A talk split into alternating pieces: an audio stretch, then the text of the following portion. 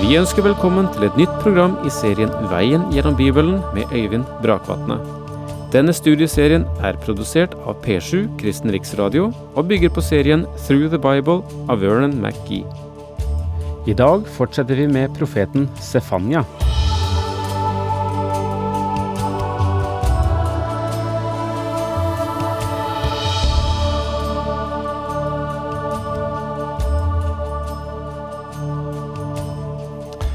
Sefanya som profet følger den samme modellen som du finner i flere av profetbøkene ellers. Først er det forkynnelse av Guds dom, Guds eh, måte å gå i rette både med Israel og med de øvrige folkeslagene på. Derefter, som avslutning på profetboken, kommer et perspektiv på Israels fortsatte eksistens, og hvordan Gud vil handle med sitt eget folk. Det møter du også her hos Sefanya. Samtidig så når Sefanya forkynner dom over, som han gjør det her, over Juda og Jerusalem, så forteller han, som også andre, at det er tre vesentlige skritt for et folk fra et sunt forhold til det går under. Og denne lære bak menneskelig styringsform, den møter du fra dommerboken og ut gjennom hele Det gamle testamentet. Eh, og det er også sant for Guds folk, og har vært sant fra, for alle nasjoner gjennom tidene. Første skritt i et folks avvikling er religiøst frafall, det å vende seg fra den levende og sanne Gud. Andre skritt nedover for en nasjon er moralsk forfall. Og det tredje skrittet nedover, det er politisk anarki. Det er den totale oppløsning av et rike. Og budskapet fra Sefanya markerer dette skriftens prinsipp for ledelse av folket, og setter fingeren på det svakeste punktet i Sydriket, altså i Juda, nemlig avgudsdyrkelsen.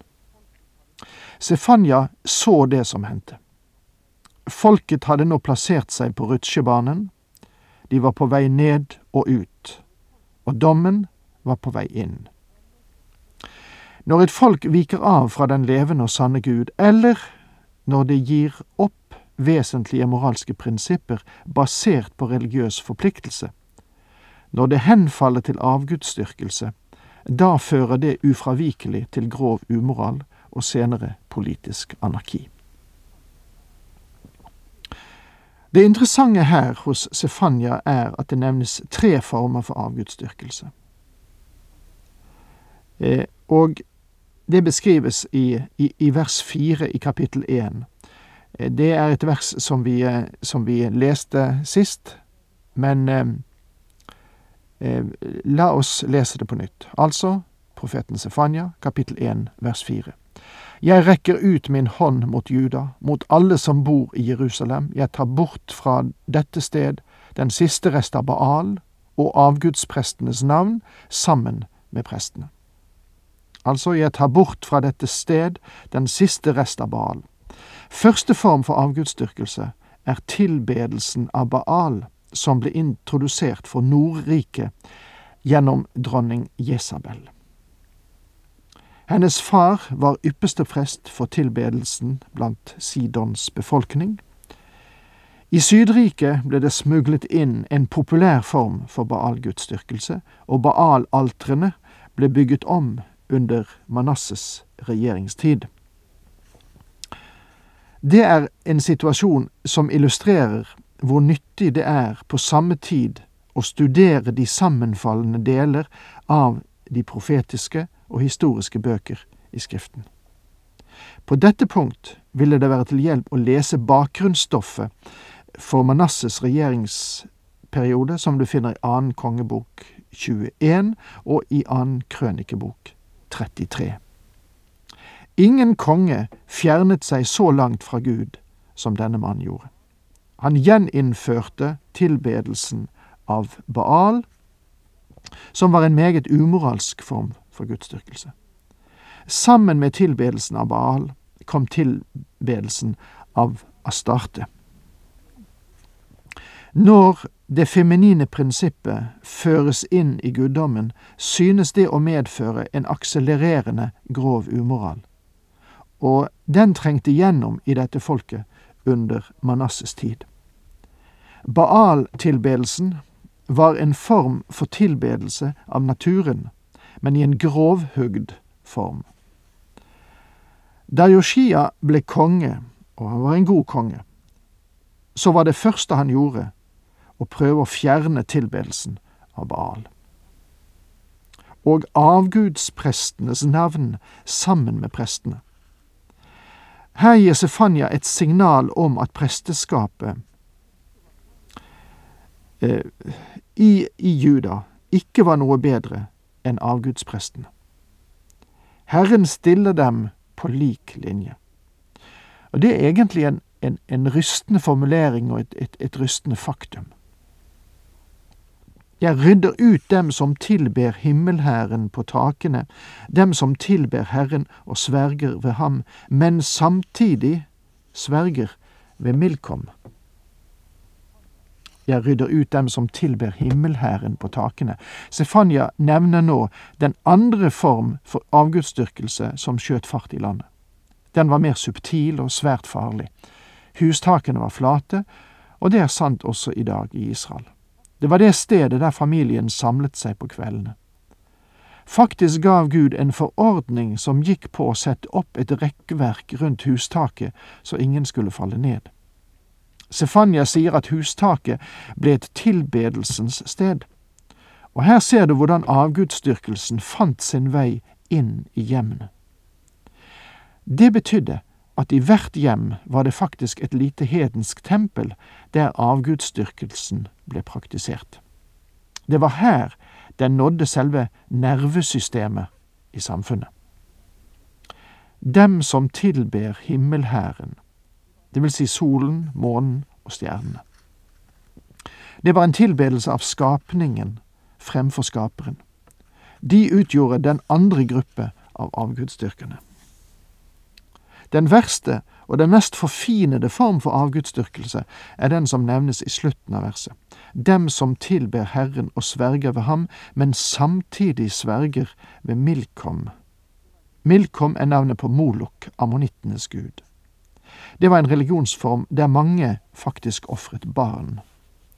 Det spesielle her er at folket på samme tid mente seg å tilbe den levende og sanne Gud.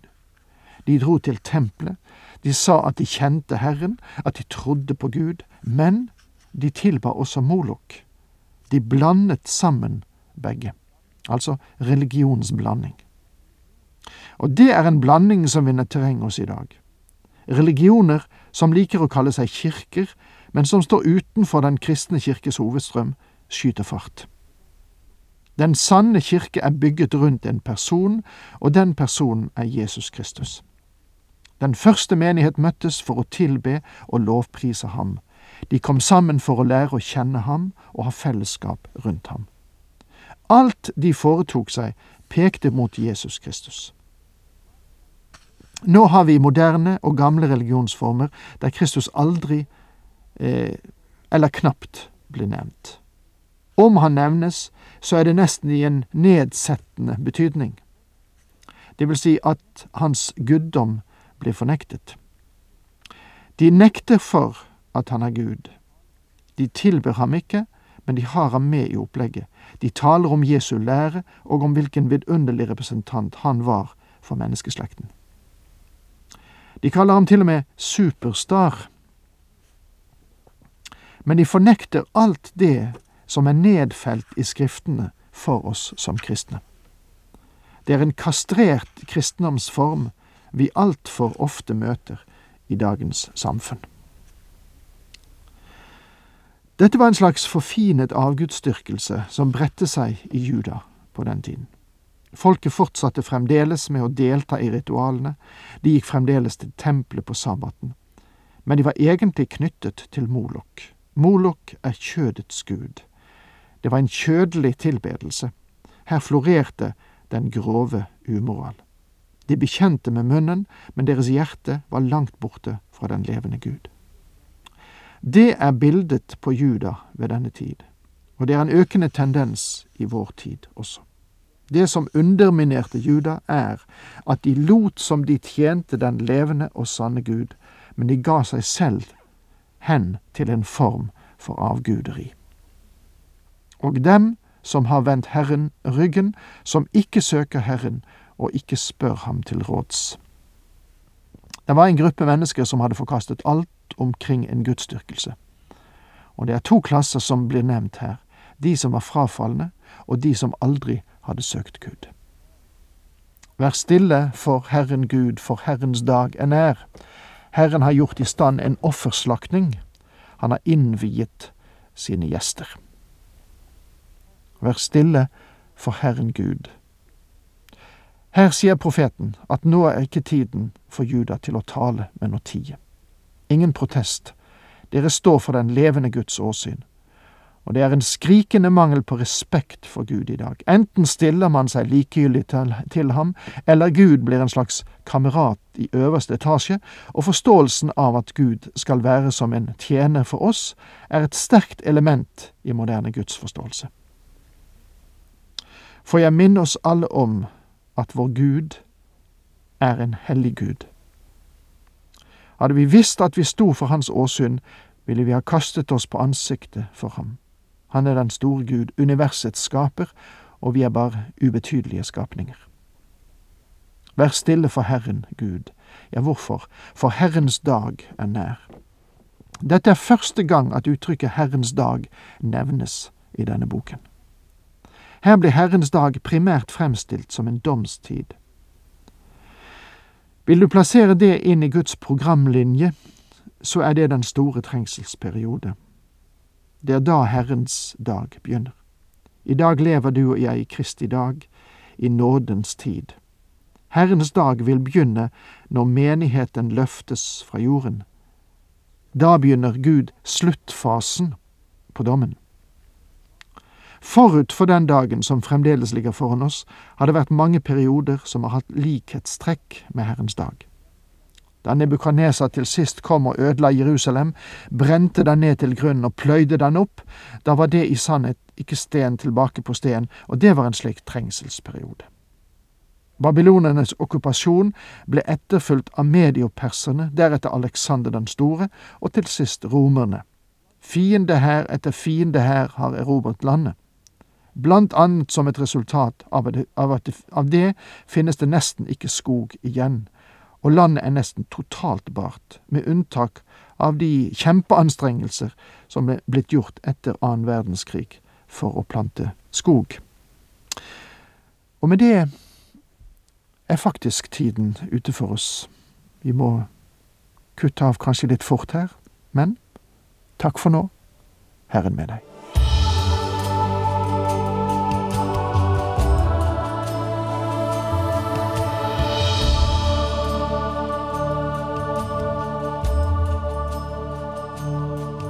Du hørte Øyvind Brakvatne i studieserien Veien gjennom Bibelen.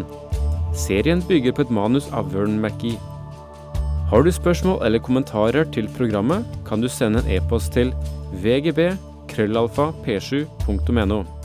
Takk for i dag, og på gjenhør.